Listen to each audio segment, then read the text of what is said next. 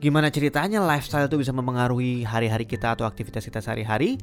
Hmm, oke okay guys, welcome back to Level Up, back with me Bina Kiribo Dan semestinya sih gue ngomong ngobrol ini tuh sama Fenry Cuma Fenry lagi tidak bisa diganggu gugat ya udah jadi kita gue coba ngebahas dulu ntar mungkin kalau ada waktunya ngobrol bareng sama dia boleh gitu ya nah ini sebenarnya sedikit-sedikit udah sempat gue bahas di beberapa podcast yang sebelumnya gitu ya agak masuk-masukin materi ini tapi intinya gini lifestyle kita tuh benar-benar bisa mempengaruhi produktivitas kita sehari-hari.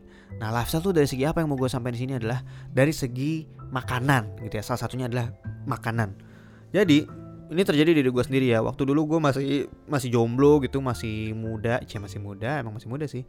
Masih bersemangat banget itu gue hampir setiap hari mau tidur malam, mau mau bangun pagi, mau kerja berjam-jam setiap hari itu nggak masalah gitu dan kenapa kok tiba-tiba makin ke sini kok gue makin susah? Gitu loh. Kok malam-malam ketiduran bangunnya suka siang dan segala macemnya gitu ya akhir-akhir eh, beberapa bulan lalu gitu ya. Dan ternyata salah satunya adalah di faktor lifestyle gitu. Pertama gue tipikal orang yang jarang olahraga gitu ya dan itu aja udah udah udah ya ya bener banget uh, dengan gue jarang olahraga berarti stamina gue akan menurun gitu. Stamina gue nggak nggak sekuat dulu gitu yang mungkin dulu masih masih lebih apa namanya lebih kuat gitu stamina nya gitu beda dengan sekarang gitu.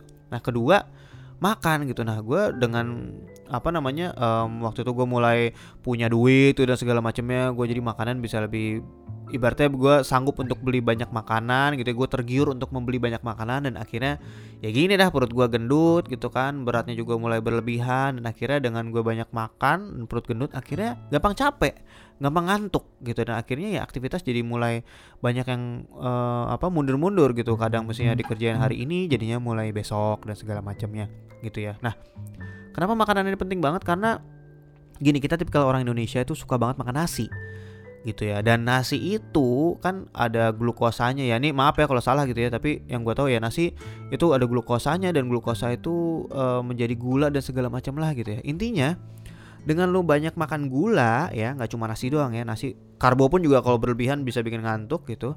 Dan apalagi nasi itu juga mengandung gula Nah, gula itu juga bisa bikin kita kenyang. Nah, kalau udah kenyang tuh ngantuk gitu, stamina jadi turun. Gitu. Jadi kalau buat kalian-kalian yang uh, hobi banget makan nasi, apalagi nasinya sebakul gitu ya.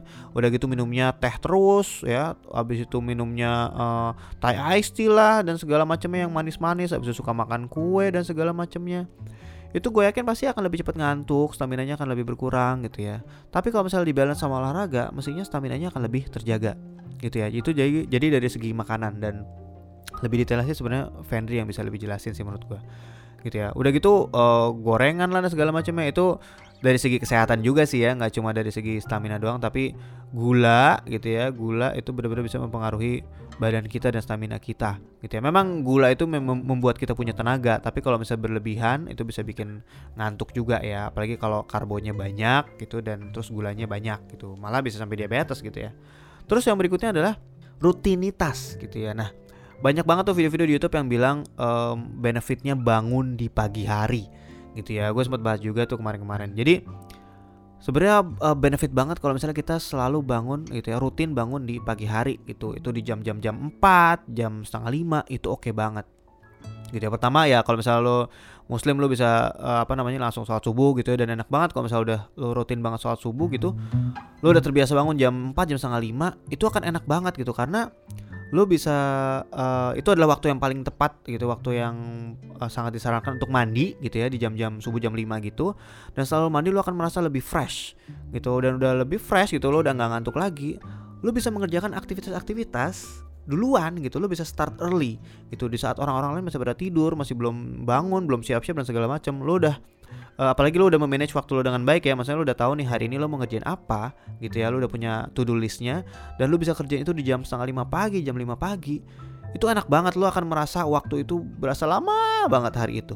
Bener-bener deh apalagi kalau misalnya lo berangkat kerja misalnya jam 8 jam 9 tapi dari jam 5 lo udah ngerjain sesuatu dan jam 7 gitu ya dalam 2 jam lo udah udah mengerjakan sudah menye menyelesaikan banyak to do list lo hari itu itu rasanya sangat berharga banget seriusan. Itu lo akan merasa wah um, enak banget yang ngerjain pagi gitu. Karena stamina lo masih fresh gitu lo habis tidur dan bangun mandi gitu ya akan lebih enak gitu. Ketimbang kalau misalnya lo uh, sisihin pekerjaan-pekerjaan itu di malam hari gitu. Karena ya lu udah seharian nih capek gitu kan udah perjalanan macet dan segala macamnya lu pulang malam dan lu masih ada beberapa hal yang harus lu kerjain itu pasti bawaannya ya antara ngantuk atau capek dan akhirnya ketunda lagi gitu atau jadinya begadang dan begadang kan juga nggak baik gitu ya dan sebenarnya yang paling bagus itu menurut gue ya.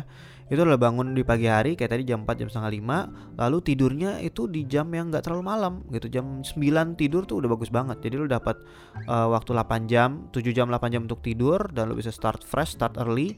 Dan kalau lo bisa rutin melakukan itu, itu akan sangat bagus banget buat badan lo. Apalagi kalau bisa paginya bangun pagi terus lo, lo olahraga itu keren banget dan lebih keren lagi kalau gue juga bisa melakukan itu gitu ya karena selama ini gue tahu ilmunya cuma gue belum bisa menerapkan seluruhnya gitu ya gue baru bisa bangun pagi aja tapi kalau olahraga pagi nggak bisa tapi gue sekarang udah alhamdulillah udah banyak udah lebih sering lagi untuk bangun lebih pagi, mandi lebih pagi dan uh, start early untuk melakukan aktivitas di pagi hari. Jadi biar sorenya malamnya gue bisa lebih punya banyak waktu untuk istirahat atau spend sama keluarga. Gitu kira-kira ya. Oke, okay, thank you uh, sharingnya kali ini semoga bermanfaat and thank you guys for listening and see you guys in the next level up podcast. Bye bye.